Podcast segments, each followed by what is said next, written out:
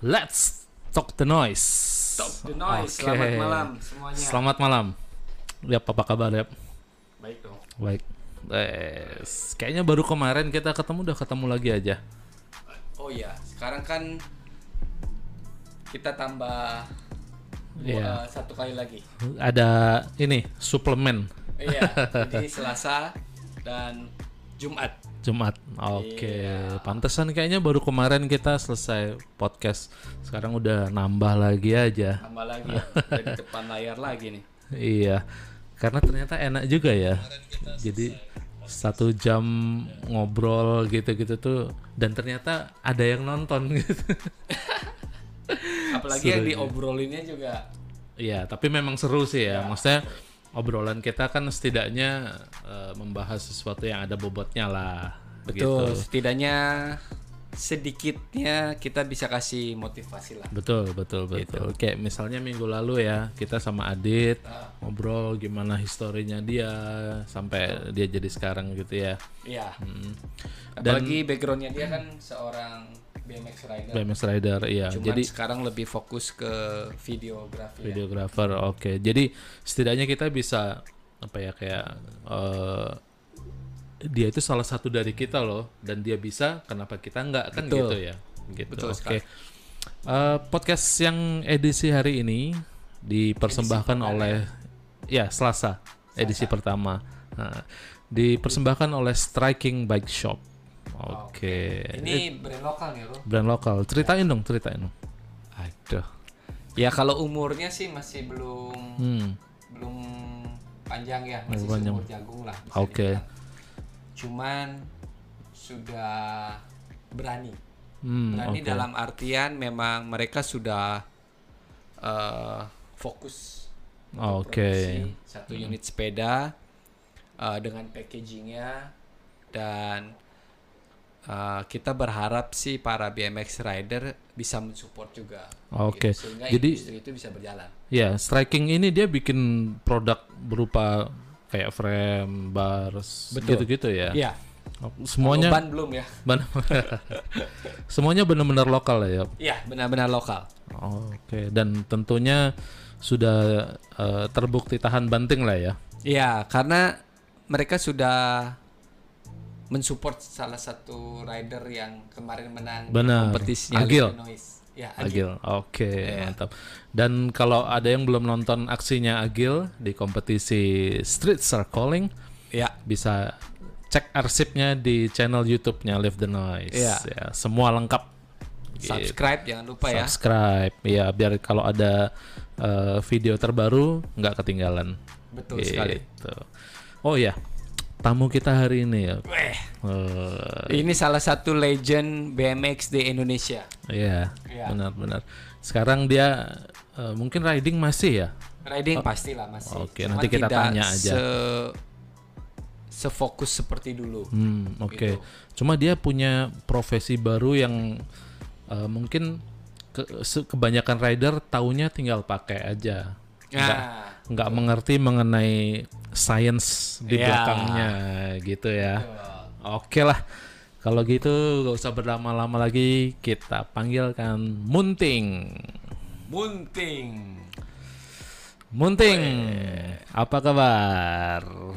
Baik. Bapak Herman. Kader Iya loh. Bapak Yopi. Kayaknya banyak yang nggak tahu nama asli Munting. Perkenalkan diri dulu Ya. dong. Nama nama nama saya aslinya Herman Sulaiman. Herman, Tiga oke. Munting. Ah. Eh, Asli dari Cianjur. Cianjur. Cianjur. Oke. Sorry Ting, mungkin bisa digeser dikit kameranya nggak Ting? Kayak soalnya Yang kena. tadi itu kayak tadi. Ah. Biar sepedanya kelihatan tuh. Sini ya. Ke, kebalik kebalik. Kebalik. Dikit Ah. lagi. Ya. Cakep dah. Oke. Sip. Oke. Nah, Kenapa dipanggil Munting?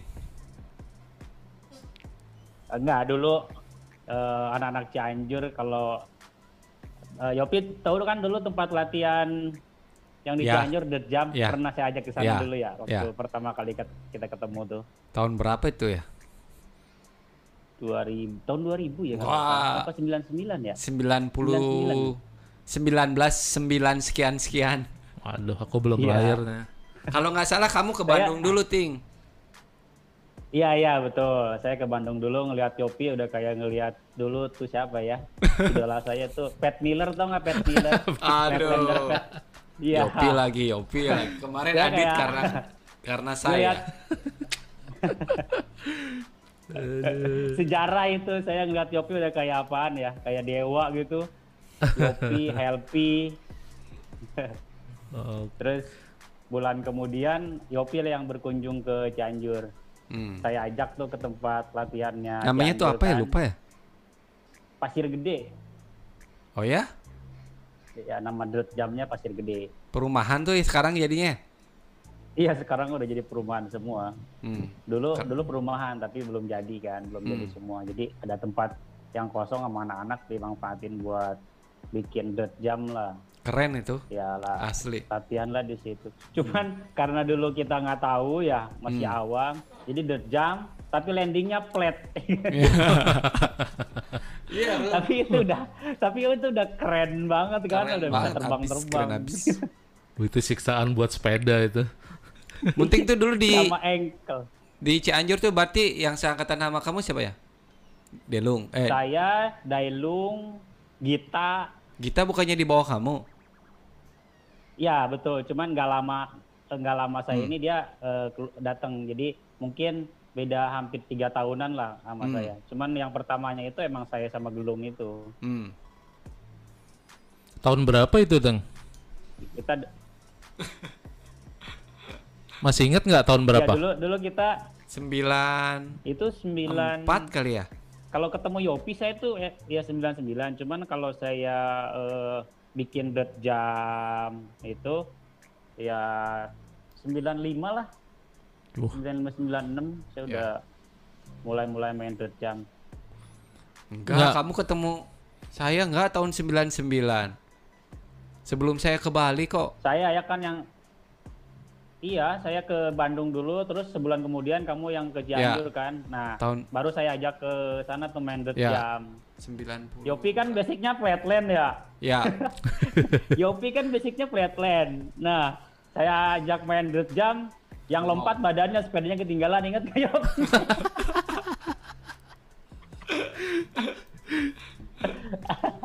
Sebetulnya basicnya sih saya racing. Nah, itu ya Hmm. dulu mah kan nggak ada nggak ada freestyle. Ya. Saya setelan setelan sepedanya flatland, tapi mainnya jam.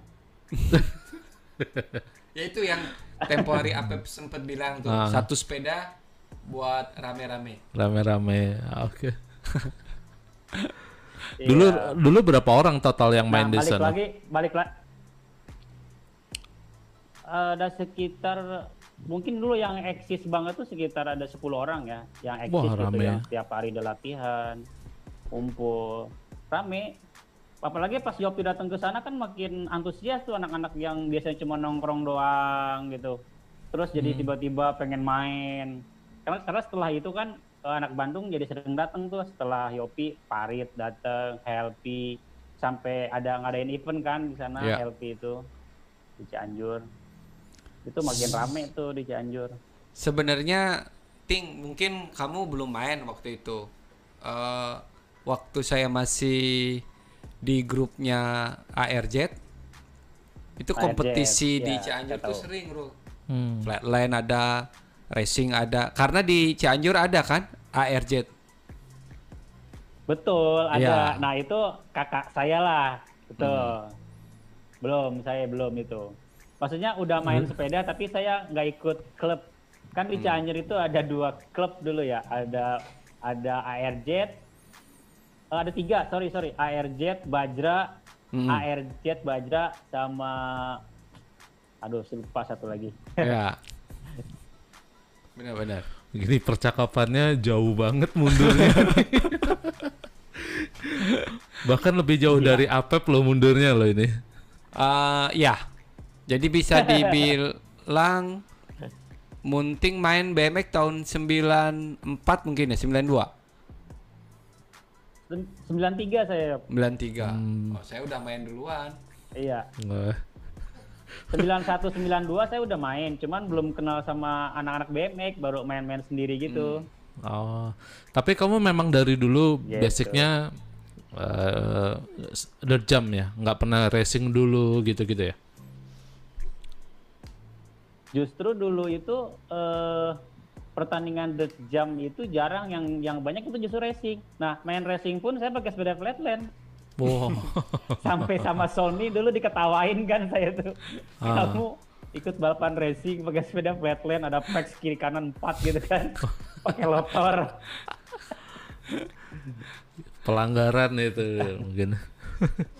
Pelanggaran. Iya. Tapi aku pertama kenal kamu ting dulu waktu di di Bali ya. Kalau nggak salah tahun 2001 kamu ke Bali ya ting ya. Yang planet Betul, yang eh Hollywood Stunt Show. be- betul. Eh, Betul, bareng itu kan, caplang eh, gitu tour- ya. Saya per- apa tur pertama saya itu tahun 2001. Hmm. Sama Saya Wim Cycle tuh ya? 32 kota itu. Berapa? Betul. 32 kota. 32 kota. Oh, kamu jadi superstar ya? Masuk Ya, justru di situ koran. tuh saya awal awal mula saya dapat teman-teman di seluruh Jawa, Bali dan Lombok di situ awalnya saya kenal anak-anak BMX. Terus Hmm. anak Bali ya ketemu Yop, eh, ketemu Ruli, terus Adit. Terus yang dulu-dulu siapa ya udah pada lupa saya namanya. Yang Bali itu. Hmm. Iya iya. Lama soalnya kamu waktu itu di Bali kan? Lama. Saya sempat ditolongin sama Yopi lu di Bali dulu, weh. Aduh. ya. Oh. Pentingnya pentingnya temen ini ya Yop ya. Ah, iya. Waduh. Itu Eh, pengurusnya itu ya, ke mana tuh ya. pengurusnya waktu itu? Inisial BG. Udah jangan jangan jangan bahas, udah jangan bahas. Nakal Eh nanti juga ya. dia jadi bintang tamu loh. Kar- karena sama-sama dari orang Sunda kali ya Yop ya. Jadi kalau ada teman kesusahan, kamu tuh kayak kedorong kali hati ya. Kan Sekjen. kedutaan Sunda di rumah Iya. saya. Sunda Empire itu ya ini pemimpinnya ini. Oke. Yang kemarin ditangkap itu salah itu. Ini cabang Bali. Ya sebetulnya sih karena ya nomor satu kan kita dari komunitas yang sama. Jadi Oh, lebih baiklah kita bantu. Yang kedua ya mungkin saya orangnya baik.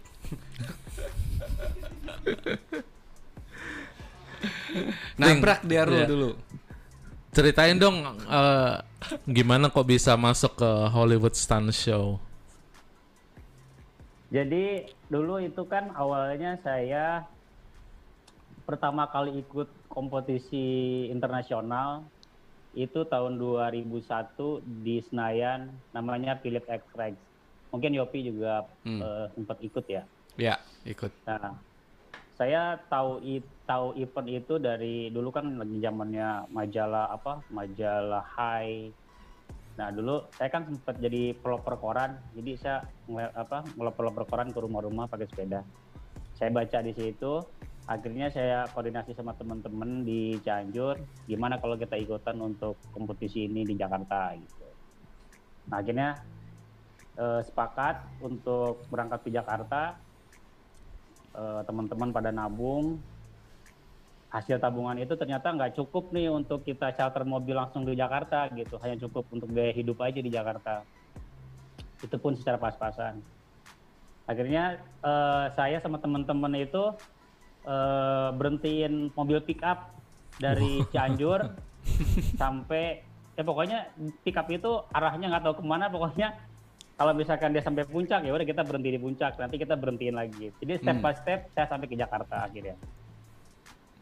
Nah ikutlah kompetisi itu. Nah yang juara kompetisi itu yang eh, kelas juniornya itu kan saya juara satu. Terus yang seniornya yang pro-nya juara satunya itu Dailung teman saya juga. Jadi satu seniornya dari Cianjur juniornya dari Cianjur juga. Kebetulan eh, Philip Electric itu kan sponsor pendukungnya itu ada Wim Cycle di situ Oh, Ya. Oke. Betul. Hmm. Ya, ada Bim Cycle. Sebulan kemudian saya di calling sama Bim Cycle. Eh, pelantarannya lah melalui Daniel. Ya itu saya Inisial pertama kali DG itu. Juga itu. Betul. Saya di calling untuk datang ke Jakarta. itu melalui Daniel. Saya dulu belum belum langsung dikontrak, tapi hanya disupport untuk semua kegiatan dari mulai demo, show, terus kegiatan-kegiatan sosial apa itu disupport dari Wim Cycle. Hmm. Hmm. Setahun, setahun kemudian baru kita eh, dikontrak, dapat honor, dapat fasilitas, dapat apa yang kita butuhin dapat dari Wim Cycle. Wow, itu pelantarannya ya. Daniel Mantap. Daniel juga. Hmm. Hmm. Tuh. Sampai-sampai eh, ada satu atlet namanya David dulu sampai disekolahin tuh di Jakarta sama Wim Cycle karena dia kan domisilinya Bandung. Kalau Ah. misalkan bolak-balik terlalu jauh supaya latihannya nggak mencar-mencar, jadi di sanalah latihan. Sekolah Sampai saya maksudnya. dibikinin betul latihan sama sekolah di Jakarta. Sampai saya di di apa? dibuatkan tempat latihan itu di Taman Ria Senayan dulu ada tuh. Tahu kan? Khusus Ya, gitu ya, Teng? Opa. Iya, Taman Ria Senayan itu tempat elit di Jakarta lah. Jadi tempat orang yang bule nongkrong, kafe gitu. Nah, Hmm. Wim Cycle buatkan tempat latihan buat latihannya rider-ridernya di situ. Sama Caplang, Insan, terus banyak tim Wim Cycle dulu kan ada Levi, Heru, Ya, Heru, Heru. Gondrong. Heru Hmm, bukan Heru Anwar ya? Heru Bukan, itu bukan. ke mana Ya. tuh? Heru apa sih Heru namanya? yang gondrong, Ya. yang kribo itu. Ya ya, ya benar. Hmm, latihan setiap hari di situ di Senayan, di Taman Ria Senayan itu. Di situ kan tempat-tempat bule ya. Ketemunya di situ si orang bule untuk yang menjadi uh, Hollywood Stunt Show itu. Hmm. Awal mulanya di situ. Nah, terus si uh, event organizer ini uh, menghubungi pihak Bim Cycle sama Daniel untuk uh, diajak kerjasama uh, event Hollywood Stunt Show tour 32 kota di seluruh Indonesia rencananya kan Hmm. Tapi ada kendala akhirnya yang bisa dicapai cuma Jawa Bali sama Lombok. Oh. Nah, di situ sponsornya kan ada Toyota, terus macam-macam banyak sponsor. Saya bagian dari stand show di apa mobilnya juga bukan hanya sepeda. Jadi Hmm. eventnya itu kan ada lompatin motor, lompatin mobil, terus ada mobil miring di Hmm. atas mobilnya ada orang berdiri gitu. Nah, nah itu yang kamu dah. berdirinya saya tuh, Iya, dengan iya. bendera gini kan. ya. terus lompatin orang, sepeda, lompatin api ya. Hmm. Kalau sekarang mah Ya. Nitro Circus lah ya. Iya, benar. Ya. Menurut Belum kamu sukses nggak? Saya udah duluan gitu, Yop. Hmm. Menurut kamu sukses nggak event tersebut? Kalau secara global itu sukses, Yop. Kita Hmm. bisa merekrut semua komunitas menjadi satu gitu kan. Kan eh, setelah itu kan baru ada pembentukan Asosiasi BMX Indonesia tuh. Hmm. Karena itu kan sekalian mendata berapa banyak komunitas yang ada di seluruh Indonesia itu. Hmm. pulang dari situ kalau nggak salah baru tuh bikin organisasi asosiasi BMX Indonesia. Saya Hmm. eh saya yang apa yang ikut terlibat eh, mendirikan asosiasi dari nol gitu sampai Wih. saya yang bongkar tendanya, yang masang tendanya. Sebenarnya Tahun berapa tuh berarti? 2000 2001. 2001. Satu ya. Ah. Dulu kamera juga masih dulu kan tahu kamera kan Chandra yang sekarang main Iya. downhill. Hmm. Dulu kan itu yang eh, rajanya street street park kan udah ditakutin sama semua rider lah kalau ada dia kan. Hmm. Siapa Chandra Purnawarman itu? Ya. Oh. Chandra yang kecil. Iya, sekarang kan main downhill tuh. Ya. Oke. Oke. Sejarahnya seru juga ini. Panjang bro sejarahnya. Jadi Ternyata nggak nggak cuma Daniel aja yang istilahnya mendirikan itu gitu ya. ya banyak Hmm. gitu. Jadi Banyak. Ada almarhum apa siapa namanya tuh? Almarhum eh, kemarin tuh dulu Andi, Andi, Andi Gray ya. kenal lah Yopi. bukan An- Andy Gray, bukan. Andi. Andi Gray salah satu pendiri asosiasi kok itu kan. Andy Gray yang dari Dulu mana? Dia Jakarta, Jakarta. Eh, Bandung juga ada Andi namanya Buffett Andy ya? Gray. Andi ba Andi Bapet ya. Andi Lupa Bapet aku. almarhum. Ya, ya. Ya itu Yap. salah satu salah satu. Ya, berarti Wim Cycle juga ada lah campur pak campur tangannya. Oh jelas, jelas Hmm. karena kan dulu eh, ketua ketua asosiasinya Daniel Pak Daniel Gunawan, terus eh apa Pembina. pembinanya itu eh, dari Wim Cycle. Pak Hengki. namanya. Sekarang udah alm- almarhum juga. Iya almarhum juga Pak Hengki. Betul. Betul. Eh, secara, secara garis besar Wim Cycle eh, sudah banyak mem- apa menggaungkan nama BMX di Indonesia sih menurut saya ya. Karena dulu Opi tahu sendirilah, walaupun eventnya kecil tapi setiap minggu hampir ada gitu. Itu kan yang membuat yang membuat komunitas itu semakin bertambah karena ada event itu. Betul. Benar-benar. Berarti dari 2001 itu ya eh, Munting di kontrak sama Wim Cycle ya. Iya, berarti. Betul, dari 2001 Sampai sampai 2016 17 kemarin. Wah, lima- 15 tahun Iya. berarti. Iya, betul. mantap banget. 15 tahun. 15 tahun ya. Itu sih bukan bukan hanya sponsor sih menurut gua tapi kayak kayak foundernya eh foundernya saya ke itu. Karena kalau sponsor kan biasanya ada keterbatasan ini ya. Hmm. Kalau ini kayak saya itu kayak Wim Cycle tuh bapaknya saya gitu. Hmm. Hmm. nggak ada keterbatasan. Oh, Jadi dari mulai fasilitas, apa yang kita perluin, apa yang kita butuhin, itu disupport. Itu kan eh, dan tanda ta- tidak ada batasnya. oh ya? Kalau sponsor kan ada poin-poin ya, ada poin-poin ini Mm-mm. harus ini nggak Mm. boleh itu sih. Kalau ini nggak. Jadi lebih dari sponsor sih menurut saya. Hmm. Satu tim berapa orang, Ting? Selama kamu di apa ya, disponsorin Wim Cycle ini? Direkrut. Dulu banyak ada sekitar tujuh orang. Hmm. Tapi kayaknya lebih dominan Saya- kamu ya.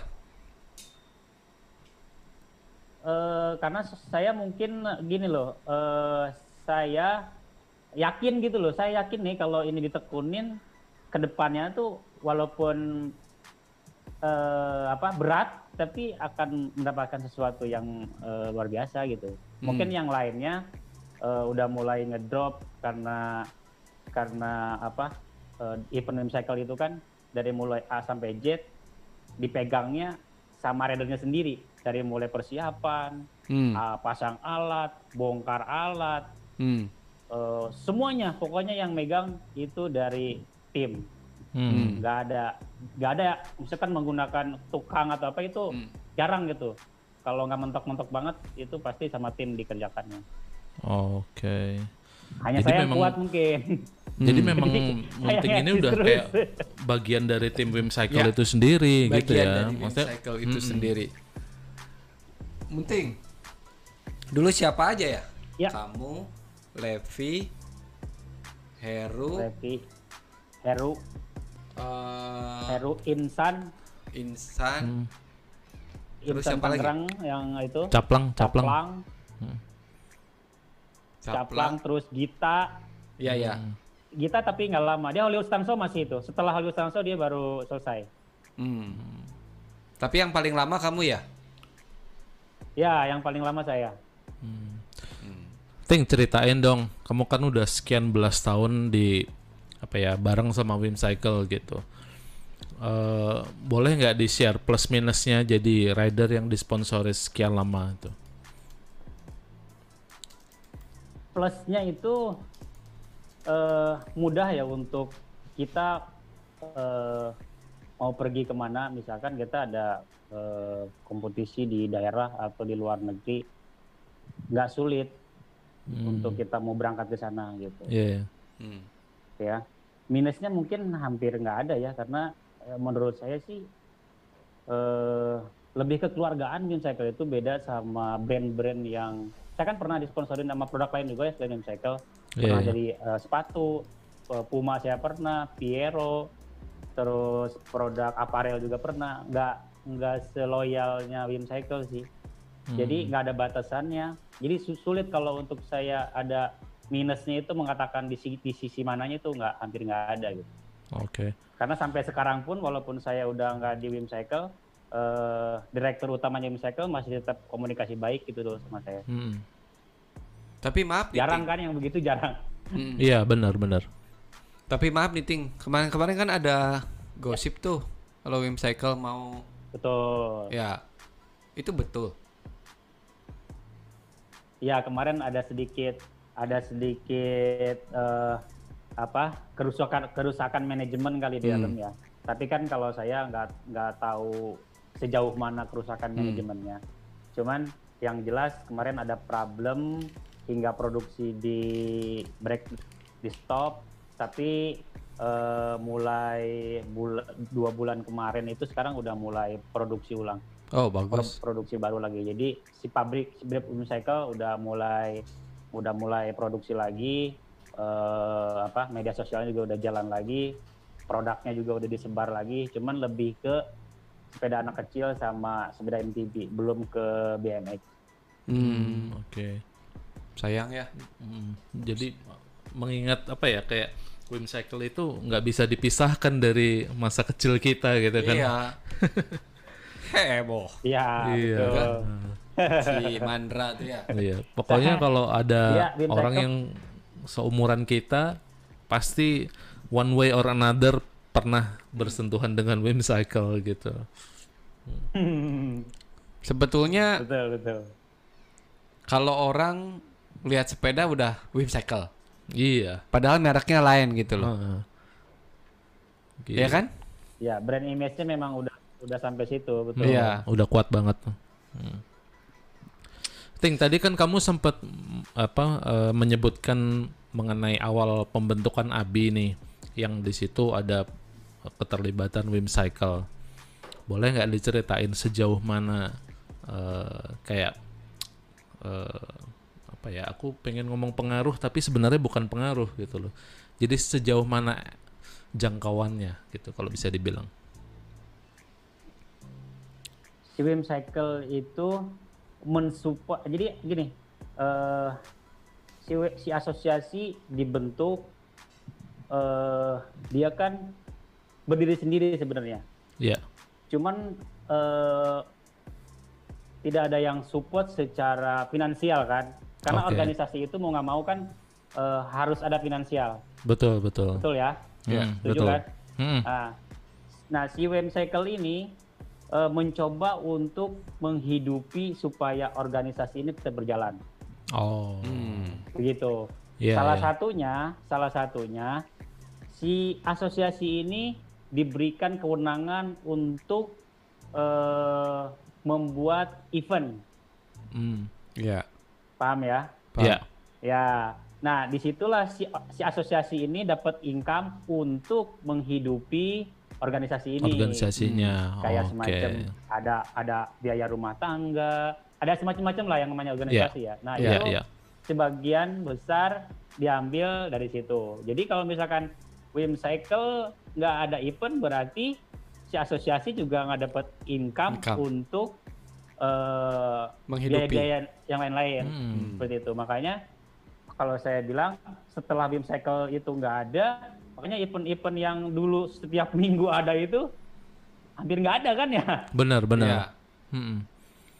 Berarti kalau boleh aku tarik kesimpulan ya, dia eh, Wim Cycle ini lebih ke eh, pen- pendukung lah gitu ya kalau bisa dibilang ya. Betul, betul. Mm-mm. Ya, betul. Pendukung. Oke. Oke, tapi kalau dari sisi eh, kebijakan dan keputusan yang dibuat asosiasi, menurutmu nih ada pengaruhnya nggak keterlibatannya Wim Oh Cycle ada. ini? Kalau kalau kalau kalau keputusan kebijakan itu murni dari kewenangannya padanya Gunawan. Tidak Oh, ada oke. keterlibatannya si Wim Cycle. Oh, Sama sekali nggak ada. Iya, iya. Nah, itu jadi sekarang clear tuh. Berarti Hmm. eh Wim Cycle memberikan suatu job, event, asosiasi Betul, dapat yes. income, Wim Cycle pokoknya bisa branding. betul. Selesai. Jadi semacam Yes. kerjasama yang saling menguntungkan lah kalau bisa dibilang ya. Sebetulnya Betul. udah enak ya. Sebenarnya udah enak, iya. Live, Live the Noise juga mau digituin. Ya, tapi tapi dulu tapi dulu asosiasi dicaci maki ya gara-gara Wim Cycle nempel terus ya. Soalnya tidak ada transparansi.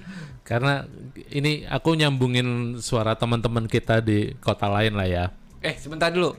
Ting, posisinya Ya. bisa ke kiri sedikit posisi kamu.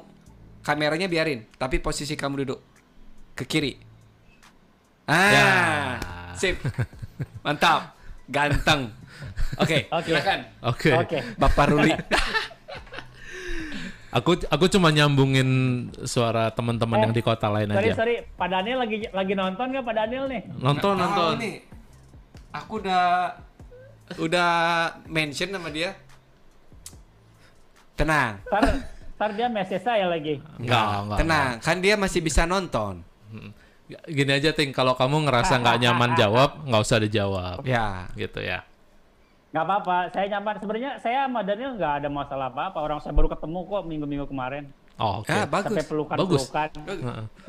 Intinya gini, Ting. Kita saya sama bikin Daniel pot. tuh, saya amat sorry, saya sorry, sorry saya potong dulu. Saya sama Daniel itu bukan hanya kenal sama Danielnya. Saya keluarganya semuanya dekat dari mulai bapaknya udah almarhum, mamahnya, kakaknya, adiknya semuanya. Karena saya dulu kan eh, setiap hari hampir 24 jam itu sama Daniel. Iya. Anaknya Daniel dong. iya betul, hampir 24 jam. Orang saya tinggalnya di rumah Daniel kok. Oke. Hmm. Bagus lah. Jadi ya itu yang tadi kita bahas dulu di Iya. awal bahwa kita bikin podcast ini setidaknya bisa memberikan sesuatu hal yang positif Hmm. khususnya untuk rider-rider yang lama maupun rider-rider yang baru. Hmm, Gitu. Betul, Jadi, betul. Kalau di podcast ini kita semua bisa terbuka, enjoy, wah mantap. Hmm. Karena Daniel juga nanti mau jadi bintang tamu di sini. Mantap. Iya. Jadi gini ya, Ting, nerusin yang tadi ya.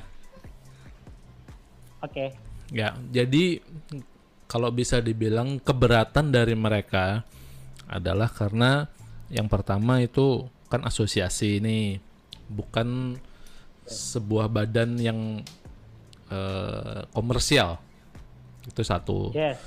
Yang kedua ada kata Indonesia gitu. Sementara si rider-rider di kota tetangga ini tidak merasa terwakili gitu.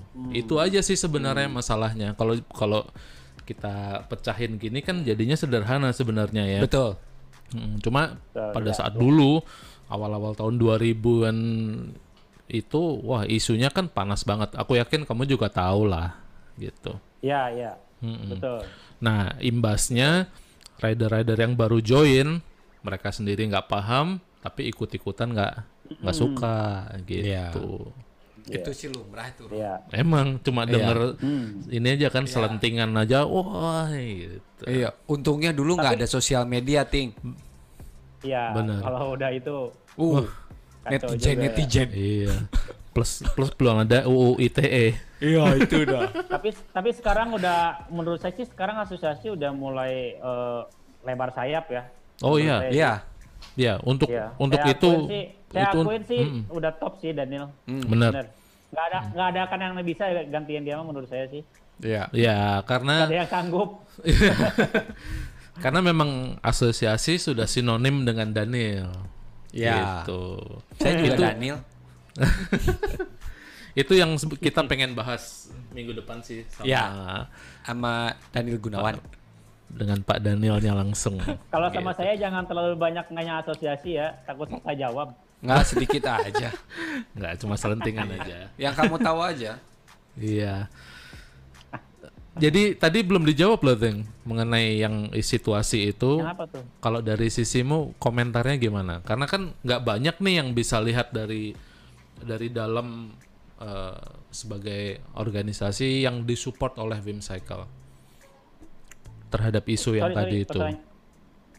Sorry diulang pertanyaannya gue lupa. Ya kan jadi eh, tadi kan aku nanya gimana sih kalau apa eh, ada nggak pengaruhnya Wim gitu ya terhadap organisasi ya gitu. Ternyata kan nggak ada nih Hmm. gitu. Nah terus Iya, kamu tadi ada, bilang bahwa meskipun demikian ternyata banyak banget yang mencaci maki ini sebagai apa dulu dibilang katanya tuh lupa aku. Aku detail ininya lupa lah ya. Tapi pokoknya Ya, ya. eh, negatif lah gitu. Nanti kamu di ITE lagi kamu nih. gitu. Nah, terus eh, aku pengen dengar dari sisimu nih bahwa sebenarnya tuh bener nggak sih gitu yang dibilang oleh teman-teman kita Oke. itu gitu. Oke, jadi gini, eh Wim Cycle juga itu kan eh, dia untuk menyelenggarakan event eh, tidak tidak bisa di semua kota atau tidak bisa ya semua rider yang misalkan ada beberapa rider permintaan "Eh, di kota saya dong bikin event gitu kan Iya. kan kebanyakan eh, si asosiasi juga memilah memilah kota mana yang harus diselenggarakan gitu kan Hmm, itu kan iya. terkait sama yang ngebiayain siapa dan di, dan tempat yang yang eh, layak untuk diadain eh, event itu Betul, Nah, betul. mungkin ada beberapa ada beberapa komunitas menurut saya sih ya Ya. eh, hingga mereka tidak merasa diperhatikan karena pas mungkin eh, ada permintaan untuk event tidak ada respon mungkin ya dari pihak Hmm. asosiasi maupun dari si Wimcycle. Oh. Jadi terkesan jadi terkesan ini kok memilah-milah Hmm. untuk eh, penyelenggaraan. Hmm. Padahal itu kan terbentur dari situasi di lapangan kayak semacam perizinan atau pembiayaan itu kan Hmm. eh, apa satu kesatuan tuh yang begitu sulit untuk dijadiin apa simple gitu susah Iya, iya. Iya. saya sih gitu. Hmm. Berarti sebenarnya masalahnya teknis aja dong ya, Teng. Sebenarnya teknis aja, cuman karena rumor di belakang itu, karena gini, misalkan eh, saya sama Yopi punya masalah. Kalau misalkan Yopi nggak langsung ngomong ke saya nih, nanya ke nanya ke apa? Nanya ke kamu dulu, jawabannya belum tentu sama nih. Iya. Kan itu bisa menjadi bisa menjadi Makin ruwet tuh. malahan. Nah, itu itulah Oh. simpelnya. Oke. Oke. Jadi mudah-mudahan kalau teman-teman nonton nih, Iya. ini loh yang Ini terjadi. diklarifikasi nih Heeh. sama Munting. Mm, Salah tapi satu pendiri Abi juga. Iya, minggu depan mungkin klarifikasi yang gongnya. Ya. Nah, jadi sehingga BMX di Indonesia bisa jauh lebih baik Makin bersatu, makin Nah. Betul. dan akan menjadi abadi. Hmm. betul. Gitu. Abadinya nanti dulu, bersatu dulu baru abadi. Iya. Daniel Gunawan maunya abadi melulu.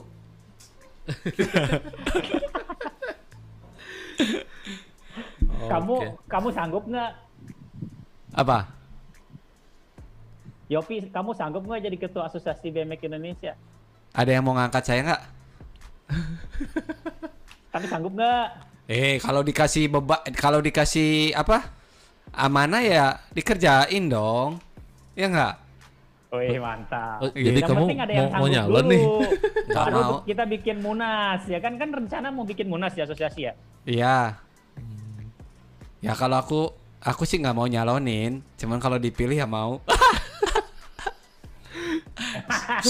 Direkam ini. Iya. Ini ditonton se Indonesia Raya Tapi ini. jujur aja saya saya jujur aja nih Yop. Selama di asosiasi saya juga nggak ada jebat eh, nggak ada jabatan sebagai apa nggak ada. Saya Hmm. bet- betul-betul didikasi didikasi totalitas nggak ada. Misalkan saya jadi jadi tim apa apa di situ nggak ada nggak ada Mantap. sama sekali. Boleh tanya sama Daniel langsung ada nggak SK buat saya? Nggak ada nggak Iya. ada nggak ada. Ya semoga apa ya? ya mungkin saya mewakili dari semua rider di Indonesia bahwa asosiasi BMX Indonesia bisa menjembatani inspirasi para rider BMX di Indonesia Betul. kepada pemerintahan. Itu aja. Hmm. Betul nggak? Apalagi Betul, sekarang Daniel kan Betul, sudah ada mantap. di pemerintahan ya. Iya. Harusnya udah setengah jalan udah lewat sebenarnya Benar. itu. Iya dong. Ting. Dulu kamu pernah Ya. disponsorin sama Sekarang lebih gampang. Hmm, Iya lebih gampang. Ting, balik lagi ke Wim Cycle ya. Dulu Wim Cycle jadi distributor We the People juga ya. Iya betul Hmm. betul. Itu gimana ceritanya tuh? Sampai ada yang di Surabaya ada namanya adrenalin tuh. Ya itu adrenalin counter itu kan Eh, itu sebenarnya beda PT, namanya Biker Shop. Jadi Hmm. anak perusahaannya Wim Cycle yang sekarang itu lebih lebih terkenal trail ya sepedanya. Hmm. Iya, iya. Jadi, Oh. jadi Oh, Wim trail Cycle itu bikin bikinan lokal, perusahaan, namanya Iya. Trail itu bikinan lokal kan? Iya, Tapi trail- brand luar. Trail Trail itu Trail itu anak eh, anak perusahaannya Wim Cycle. Oh, Hmm. oke. Iya, satu keluarga yang punya satu keluarga, adik kakak. Hmm. Oh, dulu adrenalin pegang with the people. Betul. Hmm. Pegang with the people. Terus kamu pakai produk itu? Karena betul. Enak Saya dong ya. pakai with, with the itu people, sebelum- stiker stikernya Wim Cycle. Oh. Itu sebelum atau sesudah Oakley ya? oh, sesudah. Oh, sesudah. Pertama kan dipegang sama Extreme Touch dulu, Oakley itu. Habis itu baru ke Betul. Tapi tapi nggak begitu banyak ya dulu, cuman beberapa unit doang. Kalau si Wim Cycle kan dia sampai kontainer-kontaineran kan sekali order itu. Iya. order apa? Wim Cycle eh WTP. Eh, itu apa dari mulai full bag sama Ya. komponen, dari mulai pokoknya semua komponen, semua komponen ada. Cuman sayang ya nggak jalan ya. Sebenarnya jalan sih kalau aku bilang itu. Ya itu. Oh ya. Mm-mm, Cuman mungkin karena bener-bener sekelas- banjir. Nggak gini. Kalau kalau sekelasnya perusahaan besar mungkin ya eh, puputarannya itu lambat menurut saya. Oh iya. Betul. Itu karena kan mereka mereka kan kalau perusahaan besar eh, ngelihat ritme puputaran ini ya, puputaran produk itu ya. Mungkin dia Volume compare ya. dengan produknya Pas dia. Hmm. Ya, betul. Gitu. Oke Ting, tadi kan kamu di Abi secara resmi jabatan nggak ada lah ya gitu kamu bilang ya. Ya ada. Tapi eh, kalau aku ngelihatnya kamu lebih ke kalau bisa dibilang seksi peralatan gitu ya, kayak misalnya bikin alat atau Betul. apa gitu ya. Ya, I- itu Betul. eh, apakah itu yang terus jadi dasar kamu sekarang lebih fokus ke bikin park, bikin obstacle gitu? Iya, saya eh, jujur aja dulu kenapa saya masih bertahan itu karena memang untuk menggali menggali ilmu eh, ke apa pembuatan ram ya, pembuatan Hmm. obstacle. Hmm. Makanya saya tuh eh, pahitnya apanya saya telan aja pokoknya. Yang penting saya dapat ilmunya gitu. Iya. Oke. Terus eh, kamu sekarang full di situ jadinya? Oh ya. Sekarang kan saya udah nggak riding lagi, udah lama terakhir terakhir riding yang serius itu terakhir riding yang serius kompetisi itu saya tahun 2013 ya di Malaysia yang Asian yang Asian Championship Hmm. itu yang peringkat dua saya dari situ udah nggak ikut yang event-event serius lagi karena saya udah sadar diri ya udah banyak diri. banyak rider-rider yang banyak rider-rider baru yang pada gila-gila kan mainnya tahu Hmm. sendiri ya sekarang melihat dikit aja triknya udah gila-gila kan Hmm. akhirnya eh, saya eh, inilah eh, maju satu langkah buat buat jalur yang berbeda tapi masih di scene di situ Hmm. Oh, Oke.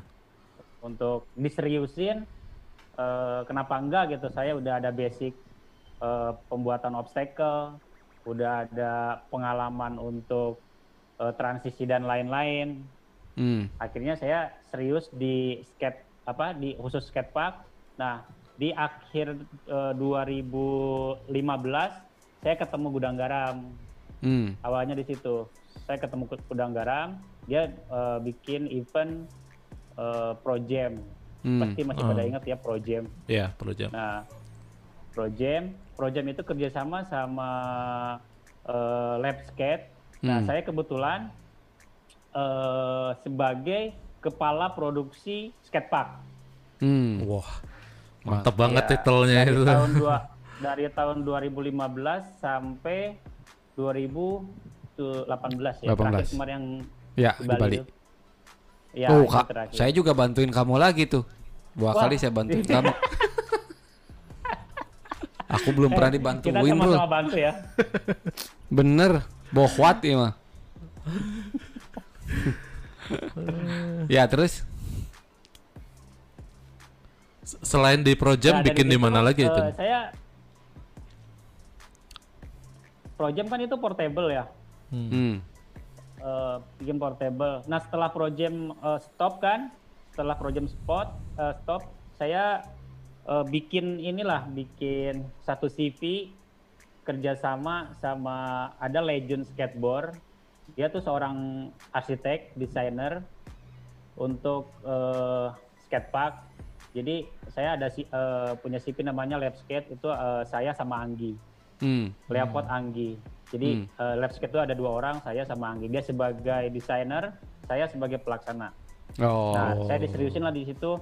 Baru dapat kemarin proyek pertama yang besar itu yaitu Pasar Bo. Hmm. Yang kedua terus ada di Ragunan. Hmm. Ketiga ada di Cruz. Jakarta Timur itu yang eh, El Elbrick. Hmm, ya. Eh apa? Cruz dulu, Cruz dulu, baru eh, Elbrick. Hmm. Ya, ada sekitar lima skatepark yang konkret yang saya bangun. Berarti lab skate itu punyanya kamu sama Anggi. Anggi, ya, Oke. betul. Sebenarnya think kalau mau bikin park itu prosesnya gimana sih? Proses kalau untuk proses eh tekniknya sih sebenarnya sama aja ya kayak bangunan-bangunan eh, lainnya. Eh, Hmm. Dari mulai bahan baku, terus komponen yang digunain itu sama. Yang membedakan itu eh lebih ke feel. Jadi Hmm. susah kan, karena feel ini nggak ada di sekolah nih menurut saya nih harus kita harus bisa ngerasain sendiri. Benar. Dari mulai betul. transisi ya Ya. itu kan transisi memang ada ukurannya misalkan misalkan mau pakai 9 feet 7 feet 8 feet memang ada ukuran realnya ada Hmm. tapi eh, kalau feelnya nggak ada itu akan akan beda akan Hmm. beda Hmm. jadi membangun skatepark itu memang harus betul-betul dibangun berdasarkan dia udah tahu cara penggunaannya fungsinya Hmm, harus oke. tahu fungsi Iya, iya. karena kalau misalkan kamu bikin gambar nih arsitek udah udah sama plannya semua lengkap dikasih ke kontraktor yang bukan bidangnya misalkan dia bisa eh, biasa bangun gedung atau rumah Hmm. realisasinya di lapangan itu akan jauh berbeda Hmm. karena dia nggak ada feel nggak tahu fungsi Iya, iya. Hmm. nah jadi yang ngebangun skatepark itu harus tahu fungsinya dulu Hmm. baru bisa bener Hmm. gitu Jadi gambarnya sama, yang bikin dua orang berbeda atau dua kubu berbeda, hasilnya akan berbeda. Hmm. Begitu ya? betul Hmm. Jadi walaupun si kubu A bisa bangun 100 lantai ke bawah, 100 lantai ke atas, belum tentu bisa bikin skatepark dong. Ya, belum tentu bisa bangun skatepark. Belum tentu. Oh, dengerin Rul. Karena Aku sering ngobrol Karena itu, sering kasih eh, tahu. Iya. Ka- eh, ini harus tahu aja nih. Eh, perusahaan BUMN aja yang namanya Waskita itu perusahaan besar kan. Dia udah Iya. bangun jembatan sepanjang mana tuh pokoknya jembatan atah berantah lah, jembatan tol apa segala macem. Skatepark di Ragunan itu manggil saya. Oke. Nah, itu dah. Untungnya ya ada segelintir orang atau segelintir ya dari kontraktor yang menyadari oh bahwa kita tidak mampu akhirnya memanggil eh, kamu. Yang memang berkompeten Ya, di situ lah ya. Tapi kan banyak juga skatepark yang dibangun sama pemerintah yang hanya jadi bangunan tua ya akhirnya. Ya, mungkin awalnya pemerintah eh, buka telinga, buka mata eh, awal dari situ. Karena netizen eh, apa eh, di diolok-olok terus kan di media kan, bangun ini jadi ini, bangun itu semua macam. Kuping-kuping mereka panas akhirnya nyari komunitas yang eh, benar-benar di bidangnya. Saya juga dihubungin sama pemerintah pas bangun pasar Rebo itu. Hmm. Posisi saya lagi di Bali itu. Posisi lagi di Bali untuk rencananya ada ada satu investor buat ngebangun skatepark tapi nggak jadi. Hmm. Eh, saya ditelepon dari orang Pemdanya langsung untuk ketemu di kantor untuk ngebahas pembangunan skatepark. Hmm. Akhirnya saya sama Anggi datang, saya presentasi, terus saya kasih desain, saya kasih gambaran nanti akan seperti apa. Berjalan akhirnya jadilah itu pasar rebo sekarang. Saya belum pernah nyobain, Ting. Tuh cobain datang kalau ke Jakarta dong mampir. Aduh, harus manjat ya. Tapi ya sorry sorry itu sebenarnya kan belum dibuka karena kemarin pas mau dibuka itu Pandemi. covid kan. Ah, Itu pas banget mau pas banget mau peresmian itu dua hari sebelum peres- peresmian itu di Indonesia covid rame kan. Akhirnya pihak pihak Pemda nggak berani lah untuk membuka gembok itu karena Hmm. takut berkerumun kan. ya. Tapi karena rider-rider di Jakarta sama skater di Jakarta, bukan hanya di Jakarta aja sih, dari luar kota pada datang, ya ada yang manjat. Kalau BMX mah kan nggak bisa diponcorin dari bawah tuh. Hmm. Kalau skater masih bisa lewat atas, Hmm. ya nggak bisa ngelarang lagi. Susah juga kan ya kalau banyak begitu. Ya, ya.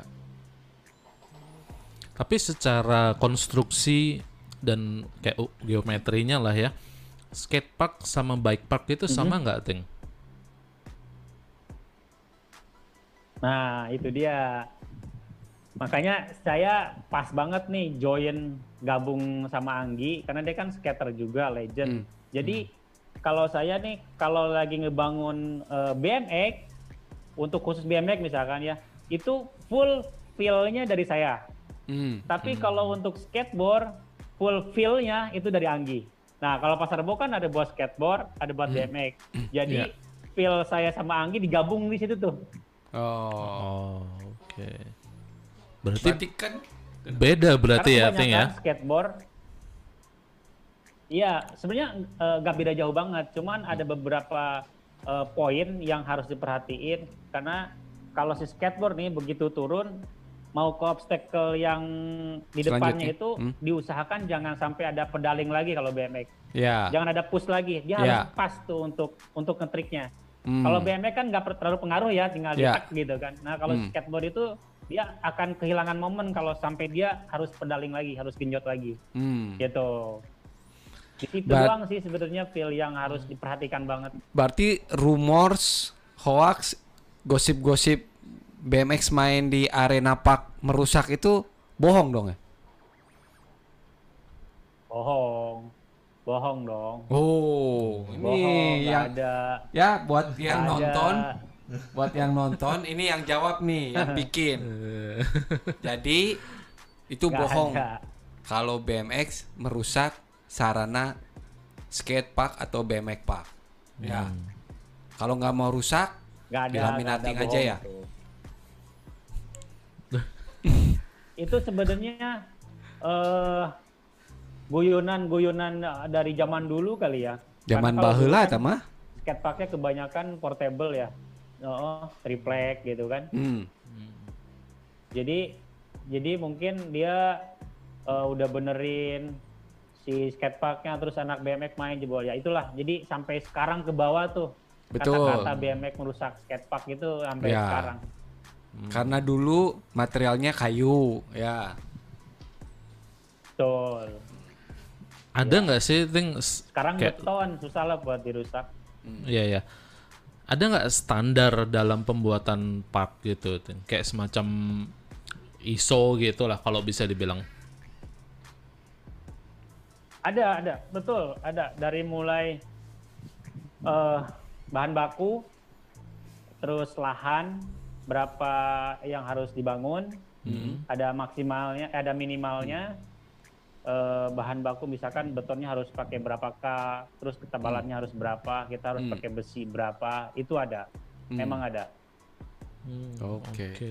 mantap juga nih berarti ini. Itu ada kayak apa ya kalau bisa dibilang kayak badan standarisasinya gitu nggak, Ting? Yang mengatur mengenai itu. Nah, nah kalau itu eh, kebetulan nih kemarin itu kan eh, saya mengajukan lisan ya ke standar IS SNI Hmm. untuk eh, skatepark itu saya Iya. mengajukan ke Menpora melalui asosiasi. Oke. namanya Besang ya Besang, oke. jadi eh, adanya di Menpora kan. Nah cuman kemarin itu lagi sedikit ada sedikit ada masalah. Terus sampai sekarang sih saya belum ada informasinya lagi tuh karena eh, standar ini kan emang penting ya untuk eh, dilegalkan gitu maksud saya. Betul, betul. Saya udah bikin nih, udah bikin draftnya. Hmm. Saya, saya udah bikin draftnya, proposal saya udah bikin. Di situ saya udah tulis penggagas gitu kan, penggagas nama saya Herman Sulaiman, keterangan di situ bla bla bla bla. Terus ada Anggi, keterangan skater Indonesia bla bla bla bla gitu kan. Hmm. Itu di situ bawahnya saya udah cantumin rule-nya. Tinggal tinggal saya nunggu kabar aja nih dari Besang bisa meloloskan itu atau enggak. Nah, dulu kan pernah kita bahas itu ya. Eh, betul. Itu itu kaitannya sama penjurian juga, Iya. tapi itu untuk minggu depan topiknya. Oh ya, untuk minggu depan. Tenang, kamu harus nonton juga ting minggu depan. Karena akan eh, berhubungan dengan apa Berhubungan. yang kamu jawab Iya. hari ini. Kamu bisa dituntut nanti. Berarti kalau gitu eh, tujuannya adalah ada kayak semacam sertifikasi atau lisensi gitu ya untuk part builder gitu ya. Betul, betul. Ya, karena penting. Karena kalau untuk eh, sama pemerintah itu kan eh, diperlukan ya. Kecuali kalau untuk swasta yang yang memang hobi di situ ngebangun skatepark nggak perlu pakai gitu-gituan. Saya saya cuma tinggal ngejelasin eh, presentasi apa yang saya punya udah cukup. Tapi kalau Iya. sama pemerintah agak sulit. Iya, betul. Kecuali kalau kita subkon, Hmm. subkon ke kontraktor yang eh, dipercaya sama pemerintah, Pemerintah. itu. Itu Iya. lebih mudah. Berarti goal kamu Ya. untuk menggarap pembuatan skatepark atau BMX park di seluruh Indonesia yang didanai oleh pemerintah. Betul. Setuju. Yes. Gas. Gitu dong. Hmm, Itu Yes. emang harusnya dari dulu. Eh, iya. ngomong balik lagi nih ya. Daniel kan sebenarnya udah tahu nih kinerja kamu di alat. Betul nggak? Seharusnya kan Udah kamu dong, tuh lo stop. dipercaya tuh lo untuk Stop, untuk stop. Kamu masuk Tanyanya jangan kamu masuk saya, zona berbahaya ya. ini. Oh iya ya. Tanyanya Eh, nanti sama Daniel, jangan sama saya. Oke. Ting, tapi waktu berapa tahun yang lalu kan Sani dari Malaysia juga sempat bantu kamu ya?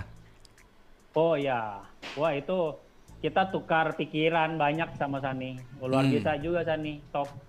Hmm, untuk Top bikin juga dia. alat ya.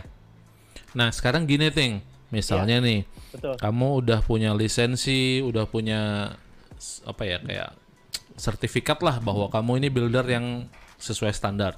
Hmm. Tiba-tiba ada kabupaten di satu provinsi terpencil mau bikin park, tapi budgetnya minim. Jadi kalau kamu terapkan standar nggak cukup. Gimana tuh? Solusinya gimana? Saya bantu kalau untuk skatepark. Bantu dalam artian apa nih? Ditalangin gitu? Bukan. Eh, kalau bikin skatepark udah pasti ada anggaran kan. Betul. Udah pasti ada anggaran nggak mungkin nggak. Nah, si anggaran si anggaran itu akan saya sesuaikan dengan dengan apa eh, pembangunan.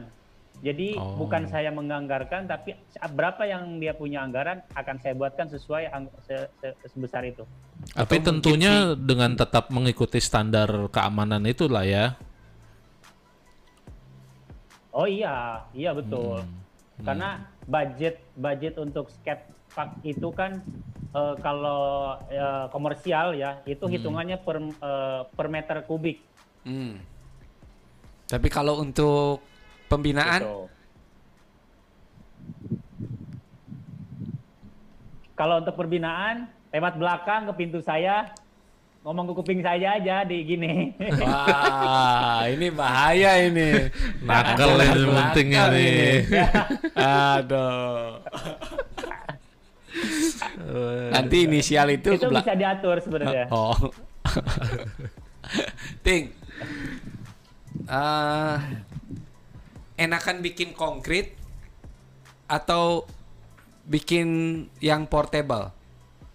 Maksudnya dari material lain, kayak besi campur sama kayu.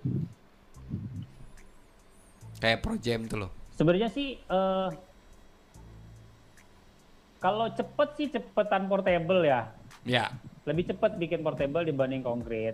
betul. Kalau biaya lebih jelas lebih mahal konkret. Ya, Kalau Hmm, biaya. Pasti.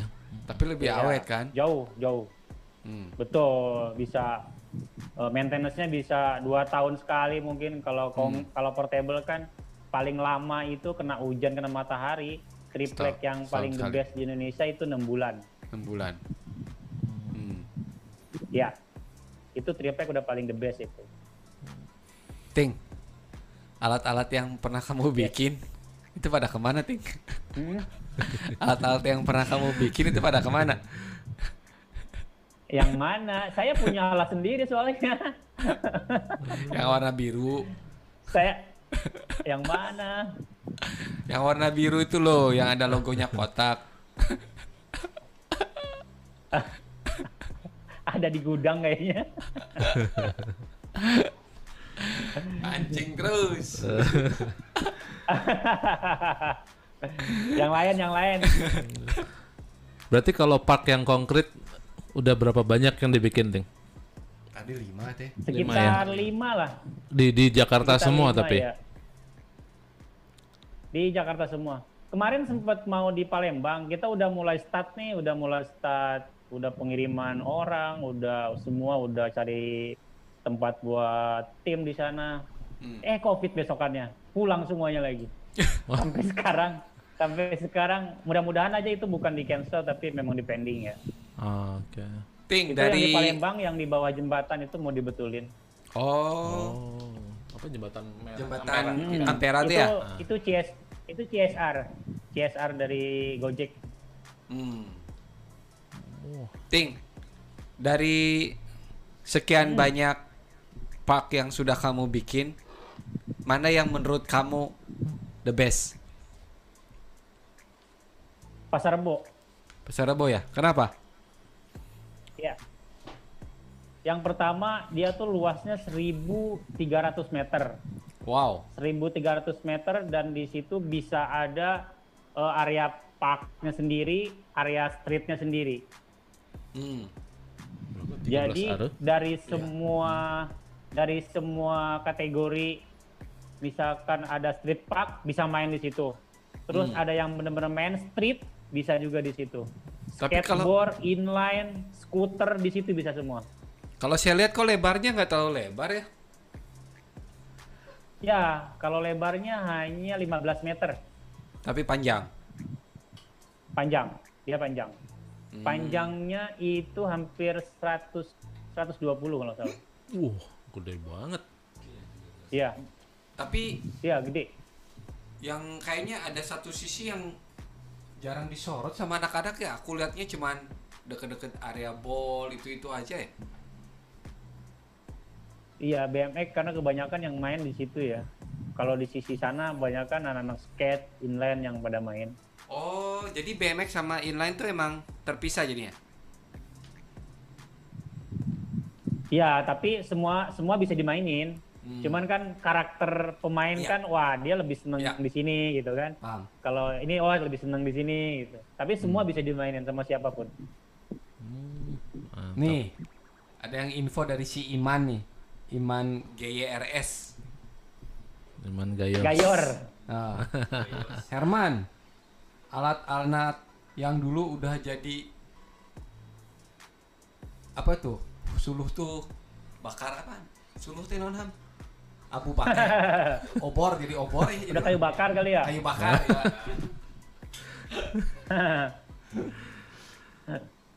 Oke, berarti itu jadi aktivitas kamu yang sekarang ya, full time ya? Iya, betul. Saya ini tadi pulang cepet nih udah wah ayo janji nih. Wah jam 4, jam setengah 4 saya udah pulang Yop. Oh, emang Macet lagi kan? ah, Macet, wah keburu ya? Pas nyampe sini maghrib saya. Kata Hmm. istri saya, katanya kamu udah janji katanya. Aku baru pulang. Macet, saya bilang hujan lagi. Ada janji nih sama sama sohib saya nih, wah kalau sampai enggak nih, wah habis saya bilang. makasih loh Ting. Siap, siap, Iya. siap. Ting. Saya lagi bangun skatepark baru di Jakarta. Nanti kalau udah jadi saya share ke Lab di Noise deh. Boleh nggak buat BMX itu? Selama saya ada di situ boleh. Wah, gitu Oh. dong. Berarti kalau udah selesai kan nggak ada kamu nggak bisa dong. Boleh. Oh boleh. Pokoknya saya bilang gini, ini buat skateboard, buat BMX, buat inline nggak ada masalah gitu. Iya. Tergantung lu mau nggak nerima BMX nih ya gitu. Eh, oh. Nggak, nggak, soalnya tempatnya nggak gede, dia cuma 130 meter. Oh itu punya pribadi. Punya pribadi, jadi dia rumah tua, terus dibikin skatepark. Nah, ruangan-ruangan rumahnya jadi jadi buat tenants. Ada ada skate shop, ada cafe, ada segala macam. Wow. Mantap juga. Kasih bocoran Iya, dong. Privat, privat, privat skateboard, eh privat skatepark. Mantep. Kasih bocoran dong. Apanya tuh? Tempatnya, namanya. Namanya belum dirilis. Kalau Ah. tempatnya di Jakarta Timur. Hmm. Oke. Mantap. Ting, Kalau ke Jakarta kamu terus itu udah jadi aku ajak ke sana. pasti dong. Aku kasih, aku pasti kontak kamu. Iyalah. Iya. Ting, Siap. selama kamu bikin park ya, yang konkret nih, Mm-mm. pernah nggak merasa, aduh, kok ada yang kurang gitu? Karena kan kalau konkret kan nggak bisa kamu Iya. perbaiki. Nggak bisa di, nggak, betul nggak bisa dirubah. Hmm. Nggak bisa dirubah kalau misalkan udah salah udah. Iya. Makanya lamanya itu bukan proses pengecoran, tapi lamanya itu proses bikin becasting. Ya. Karena becasting itu akan jadi tolak ukur si beton. Hmm. Jadi sebelum dicor, sebelum dicor itu saya berkali-kali untuk cross check ini udah bener apa belum Ya. si becastingnya ini. Jadi Betul. selama pembuatan becasting nggak bisa ditinggal sedikit pun. Tahu nggak lu casting? Yang kotak-kotak itu. Kotak-kotak kayu Ah, tuh loh. Iya, iya. Kayak untuk Maunya gitu ya. mal. Ya, Ah. kalau mau mau mau bikin malan lah malan kalau mau bikin ball ah. apa itu kan Hmm. becasting sama kebanyakan yang bikin skatepark yang emang nggak paham dia bikin becasting yang transisinya itu itu langsung dikasih lancip sama dia Hmm. Jadi Ujungnya ya? flatnya nanti ak- akalan akalan patah ya akalan Ya. jedak gitu Hmm. harusnya harusnya disesuaikan sama ketebalan berapa mili yang eh berapa senti flat yang akan dicor. Ya. Misalkan flat flatnya betonnya itu akan 10 senti. Hmm. Berarti ujung becastingnya ini harus Lima 10 sen- senti ya. juga Betul. dan harus ketemu flatnya ratanya. Jangan pas ngelengkung begini terus Ya. dipotong. Harus ketemu Ya. ratanya. Jadi Ya. sambungan beton ini adanya di flat Ya, gitu. betul. Itu yang kebanyakan itu sih nggak nggak nggak di situ. Hmm. Kebanyakan ya. Ya, ya. Kira-kira nih Ting kalau misalnya ada bisa dibilang pihak swasta lah gitu, pengen bikin park gitu kan, bisa nggak kamu nge-share kurang lebih siapin segini gitu? Biayanya berapa tuh loh? Oh, per meter bisa. kubiknya? Per meter kubiknya sekitar 1,8 lah, Oke. sekitar ya. Ya. Iya ya. Oh nggak nggak semahal bikin rumah lah ya. Sat- eh, per Ya. meter persegi, sorry, bukan kubik. Per, met- per meter Satu persegi, meter Ru. persegi. Nah, Satu kali satu jadi. iya, kalau Ya. misalnya kayak tadi 130 gitu kan, Hmm. nggak semahal bikin rumah. Ya enggak juga lah kalau tadi 1300 Ya, Pasar Bo. kalau bikin rumah lebih mahal. Nah, Iya, pasti. bikin Rumah. ya atapnya gitu ya. Oke. Uh, ini yang Pasar Bo tuh. 2,3 miliar berarti kamu dapat tuh. Cuannya 30 Ah, itu persen. itu hoak itu, itu hoak itu. eh, saya saya jelasin nih di sini nih, itu hoak itu. Jadi berapa tuh dapat cuannya? Itu hoak itu. Iya. Jadi jadi gini, kan di berita kan itu menghabiskan dana 14 miliar ya. Ya. Hmm. Di berita menghabiskan dana 14 miliar. Itu Hmm. bukan pembangunan skatepark, tapi pembangunan sel- seluruh area di Pasar Bo. Itu kan ada taman, ada Oh. trotoar, Ada ada got, ada segala macam, ada Hmm. halte. Si skatepark ini hanya bagian dari 14 miliar itu. Hmm. Oh. Jadi, tapi yang disorot karena yang kelihatan sama publik skatepark itu kan, Ya. berita eh, si media nih memberitakan itu aja si skateparknya, karena yang lain nggak kelihatan. Kalau Iya. keluar gitu kan, injek-injek infrastruktur ya sebenarnya ya. Terus, iya betul. Si skatepark ini hanya bagian dari itu. Ting. Yes. Menurut kamu ya, selama kamu beberapa kali bikin skatepark, Mm-mm. Masih terus belajar nggak? Apa ah skill gue Oh, iya. cukup gitu? Iya dong, belajar terus lah. Saya saya setiap ha- hampir setiap hari ngeli- eh, apa lihat Instagram Instagramnya builder skatepark di luar Jepang, Prancis, Amerika. Hmm. Saya sering sering apa eh, ini Berpikiran. sama mereka ya. Lihat cara pembangunannya terus eh, kan belajar bisa dari situ juga kalau kita Betul, benar-benar teliti betul. untuk perhatiin gitu. Hmm. Betul. Mantap. dan mereka nggak ada matinya. Abis ini ada lagi, abis ini ada lagi, abis ini ada lagi. Gila mereka. Mimpi kamu apa ting untuk di skatepark?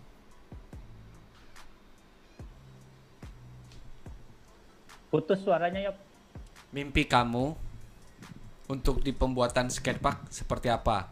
Apa mungkin oke saya bisa bikin dalam waktu satu minggu? Gitu loh. Kan di luar negeri banyak tuh yang kayak gitu. Kayak Ya. event-event X Nih. bikin. Mimpi saya, mimpi mimpi saya, eh saya pengen bikin skatepark eh portable tapi konkret. Paham? Portable tapi konkret.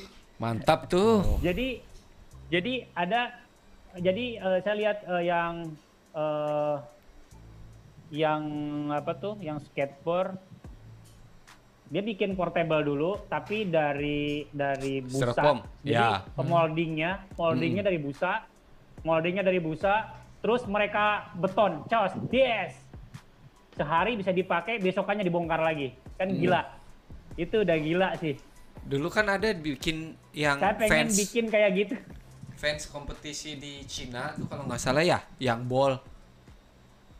ya Ah, ya itu kan gitu juga. Pakai styrofoam, betul cor, styrofoam besoknya dihancurin. betul Mantap tuh. setelah event dihancurin Nah, gila nggak tuh Gokil ada ya? Iya, gokil. Parah. Nah, di Indonesia ada nggak tuh yang masalahnya gini Hmm. Oke lah misalkan skillnya kita punya nih ada Ya. nggak yang mendanainya kan gitu Nah, itu dia. Balik. Masalahnya lu lagi lu lagi. Iya. Aduh. cobalah Let the noise tahun depan lah harus ada target nih bikin event pakai konkret dicor habis itu dibongkar Kayaknya kayaknya seru Kayaknya juga nih. mungkin deh. Hah? Tapi seru, juga loh. tuh ya. jangan nggak Ya, mungkin dong kalau ada Seru donatur. Iya. Iya. Oh, bikin gitu ya di pinggir pantai. Bu. Iya.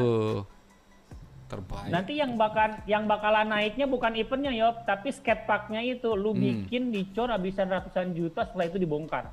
Uh, Itu yang bikin jadi uh lihat the noise gila ya. Sultan. Iya.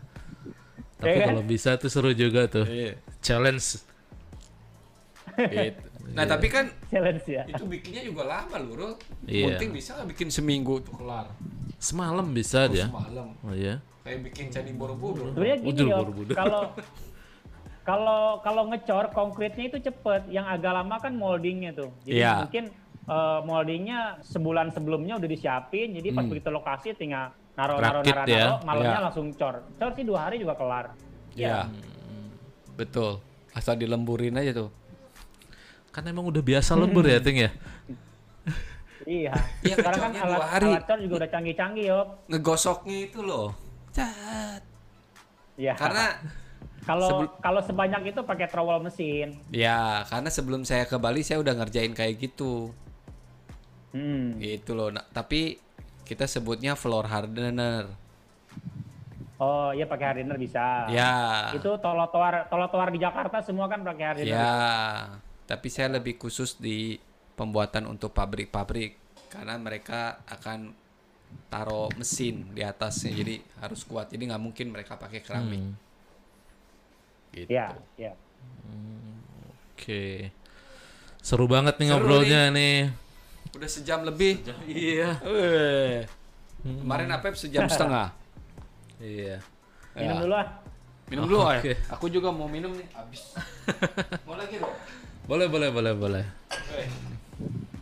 thank you Red Bull Indonesia Ditunggulah paketannya ke sini. Oh, di Jakarta tuh lo gampang, tinggal minta. Satria Fiji itu loh. Selebgram ya. Iya. Dari tadi kita ngomongin skatepark aja. Iya, karena memang itu topik minggu ini. Tapi aku mau nanya satu sama dia. Oke. Ting, selama kamu main sepeda, Hmm. sebutin 5 kompetisi yang menurut kamu terbaik. Mau di Indonesia, mau di luar negeri, silakan. Asian Indoor Game di Macau. Hmm.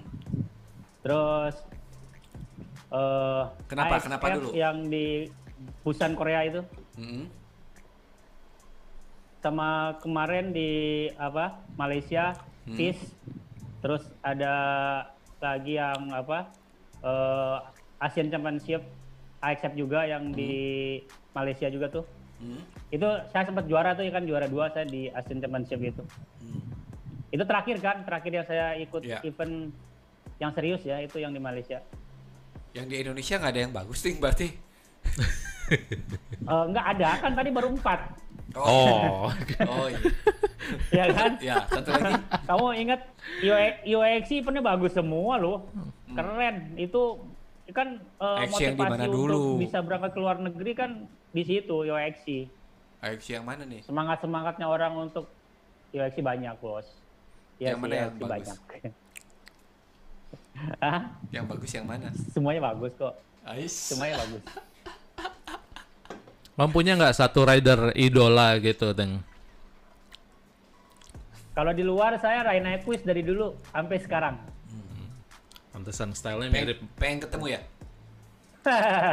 Apa sampai pernah- sepedanya dulu itu saya Ya. sama banget sama Renocus pakai jackhammer terus pakai bike trail yang lengkung belakang Ya. itu Hmm. berat berat sepedanya 18 kilo Pernah ketemu nggak? tapi bisa lompatin bisa lompatin orang 3 meter sampai bisa lompatin berapa itu rekor muri 375 loh salah ya Oh iya, dia pernah dapet itu. Hmm. Belum ada yang mecahin lagi tuh, rekor Ting. muri belum belum Masih ada nggak itunya? ada dong Weh, tahun berapa tuh ya? tahun 2004 kalau nggak salah Waktu Hollywood Sun Show itu ya? Bukan setelahnya Hmm, oh iya, setelah pulang dari Hollywood Stunt Show benar-benar. Wow. Tiga Kayaknya- meter berapa? Kenapa? 3 meter 375. 375. Iya, tapi dari lantai ya dari bawah. Oh. Jumpernya 1 meter berarti 275 ya ke atas. Sekarang mah udah banyak lah yang bisa segitu. Iya. Samuel aja tinggi banget. Tapi tetaplah serem itu area berbahaya itu. Iya. Kayaknya kita udah sejam lebih nih Heeh, ngobrol sama Apalagi tuh? Munting. Udah sih, habis. Oh, keluarga. Mm-mm. Gimana? Mau mau nerusin tuh anakmu jadi pemain sepeda apa mau jadi pengusaha? yang yang yang pertama kayaknya kurang semangat, tapi yang kedua ini udah udah berantakan udah mainnya.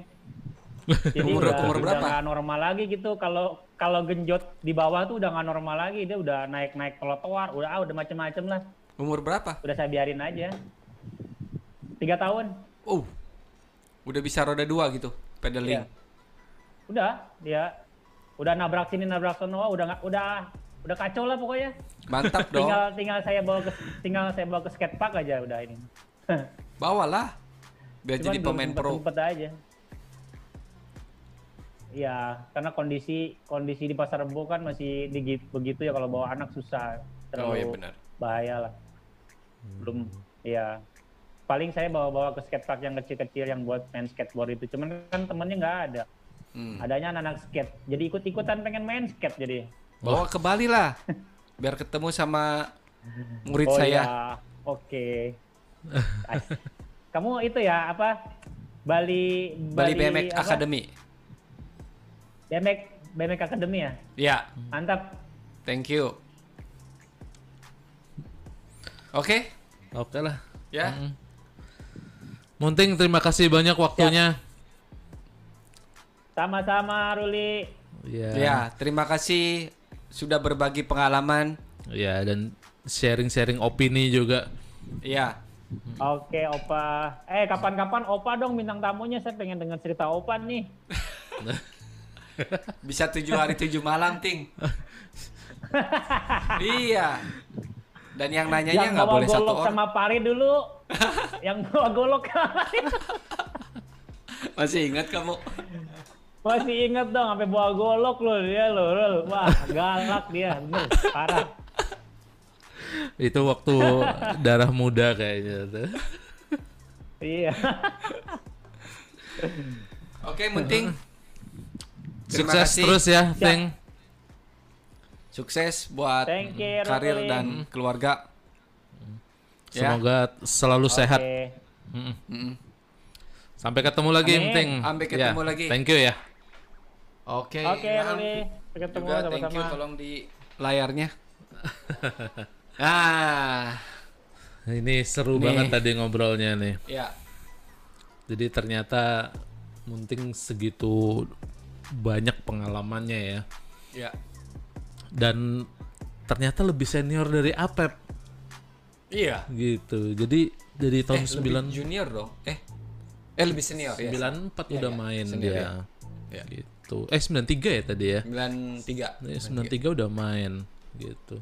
Bahkan seangkatan sama kamu, maksudnya sempat main bareng segala dulu. Iya. Sat, satu eh satu angkatan di bawah saya. Hmm. Saya main di era tahun kalau tahun 1980 tuh era berapa? 80 apa 90? 80-an.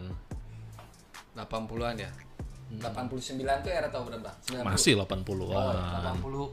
Aku main di era tahun 80-an, Cok. Tua banget ya. Menolak tua nih.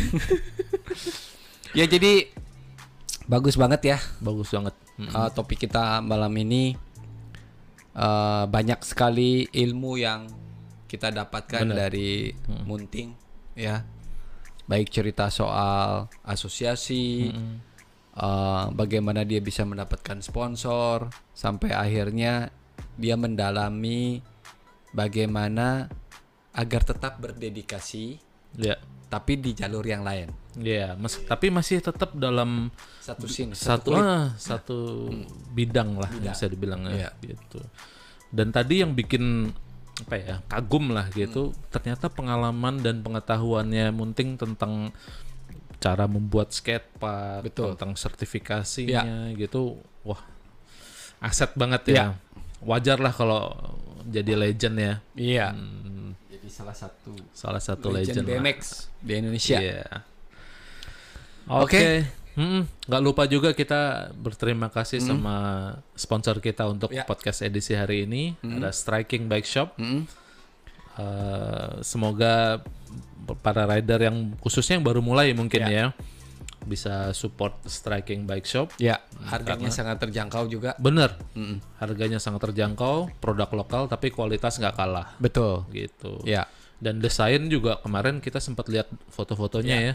Ternyata desainnya juga bagus gitu. Jadi bukan mentang-mentang lokal terus tampangnya jadul, ketinggalan zaman enggak gitu ya. mungkin kayaknya next episode kita harus ada satu segmen review ya.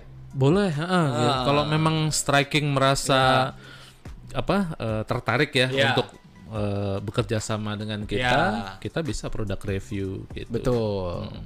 Dan nggak nggak striking aja sih Ya, sebenarnya. banyak. banyak mm, produk lain yang ingin apa ya produknya lebih dikenal Ya. nah mungkin kita bisa kerjasama Ya, kontak aja di DM-nya Instagram Lift Lift the Noise. Iya. Silakan ya. Dan yang belum sempat subscribe segera silakan. segerakan segera karena gratis Mm-mm. dan jangan lupa hari Jumat kita on lagi nih. Iya dan yang Jumat nggak kalah serunya Ya, karena kalau barusan kita dengerin versi BMX, BMX next Jumat, kita akan dengarkan versi skateboard. Iya. Gitu. Oke, jadi jangan lupa subscribe channelnya Live the Noise, Ya, hidupkan loncengnya juga. ya, Jadi begitu kita on live, Ya. udah langsung dapat notifikasi Ya. gitu ya. Pokoknya sesuai janji kita kemarin lah ya. Makin hari makin e- tambah edisi, Ya. tamunya makin seru, topiknya juga makin greget.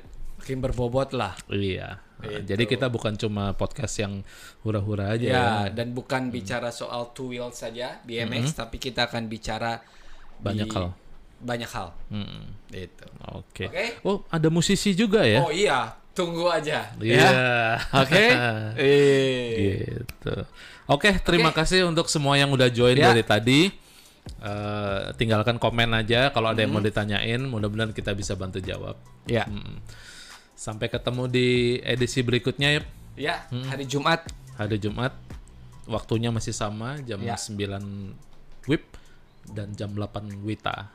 Oke. Iya. Stay safe ya semuanya. Ya. Mm, Sampai ketemu. Cheers.